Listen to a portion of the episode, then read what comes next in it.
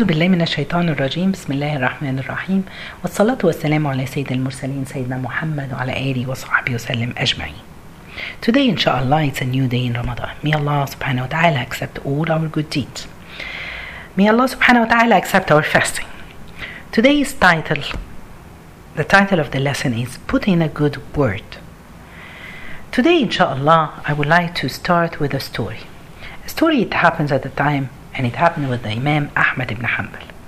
Imam Ahmad ibn Hanbal, he, they put him in jail because he was against the story of saying that the Quran is a creation of Allah subhanahu wa ta'ala.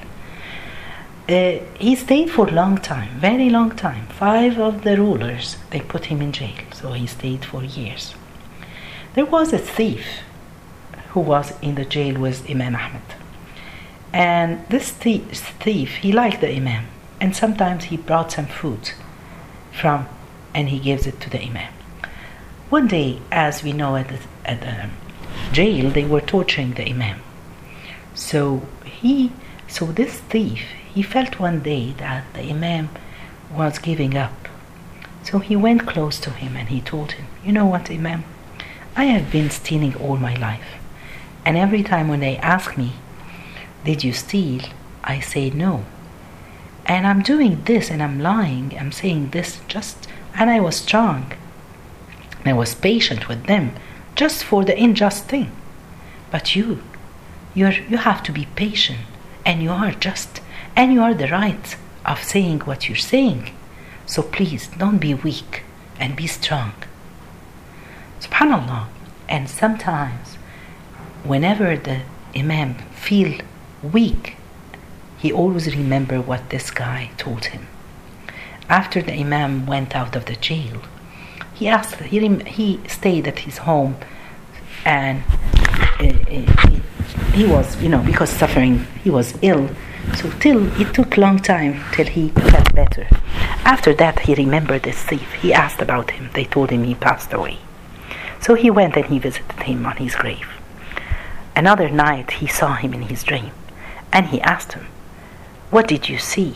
Where are you? He found him in paradise. So he asked him, What did Allah do to you? How come you went to paradise? He told him, Allah forgive me because I gave you a, a good advice to be patient while they're torturing you just for the sake of Allah and the sake of saying the right thing. Subhanallah, this story, it gives me just a lesson. The word that you're saying, can change the life of other people. We have to always be positive. Think of what comes out of your mouth. Try to encourage people always who are around you. You never know the word that you will say, how it can change the life of other people. We all need the good words. Allah subhanahu wa ta'ala, He said in the Quran that you're not going to say a word, not a word does He utter, but there is a watcher by Him ready to record it. Every single word that we say is recorded. Allah will never forgive. For ne- Allah subhanahu wa ta'ala will never forget. Everything is there. Uh, uh, we have to choose the words when we say them. We like to talk, and we like to talk a lot, but think of it. And especially nowadays, we are in Ramadan. Think of the words that we are saying. Another symbolic story. It's about two frogs they say a, a, bunch of frogs. They were jumping going around and then two of them they fell in a well. When they fell it was so deep. All the frogs they came around the well and they told start to tell the two frogs it's very deep. No hope that you can come out. But the two frogs they start to try jumping so they can come out. One of them started to listen to what the other frog saying that give up you cannot make it. And it gave up and it died. But the other one kept on trying jumping from one side to another till after a while it came out. When it came out the rest of the frogs they told you didn't listen to us. You were we were telling you it was so hard. She said i'm half uh, uh, deaf so i didn't hear you properly, but I thought you were encouraging me. So that's why, that's what made me come and consistently trying till I came out.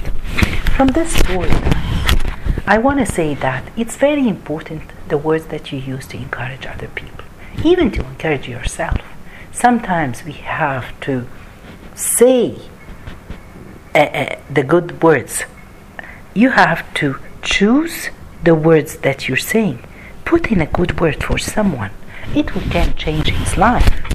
We, are, we can all change by getting those nice words. Now we are in Ramadan. We come together a lot. Our we come together when we go to the mosque for Taraweeh, for prayer, Jama'ah. So now we are more exposed to other people.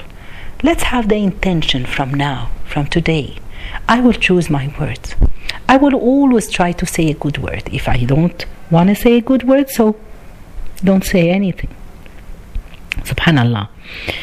And remember that anyone who speaks a lot make a lot of mistakes. It's a rule. So we have to choose what we say. This is a very important thing. So when we are in Taraweeh prayer, now especially on the women's side, we see a lot of arguing. People they like to argue. Turn on the light, turn off the light. this is one example. Why are you wearing this? Don't put the pants. Make you have to cover your feet. Don't cover all these things. Subhanallah. Choose your word when you're talking to people. When you are giving an advice, say it in a nice way. And sometimes people they say advice in a very harsh way that make people they don't want to come to the mosque anymore, which is a terrible. You're gonna take the sin of preventing someone from coming. So let's think of those things. Have a smile. Say something when you see young kids. Encourage them. Tell them that you're great. I'm so happy and proud that you're here praying with us like a big girl or like a big boy. When we have a gathering for iftar, be nice. Choose a kind word, appreciating that people thought about you and they invited you for iftar make nice compliments when you eat the food. It's nice that people think of each other. It doesn't matter when she, the lady she spent the whole day preparing for the iftar to invite you. So you have to tell her nice word, thanking her, saying that we appreciate what you have done, and at the end make the dua for them for just inviting you.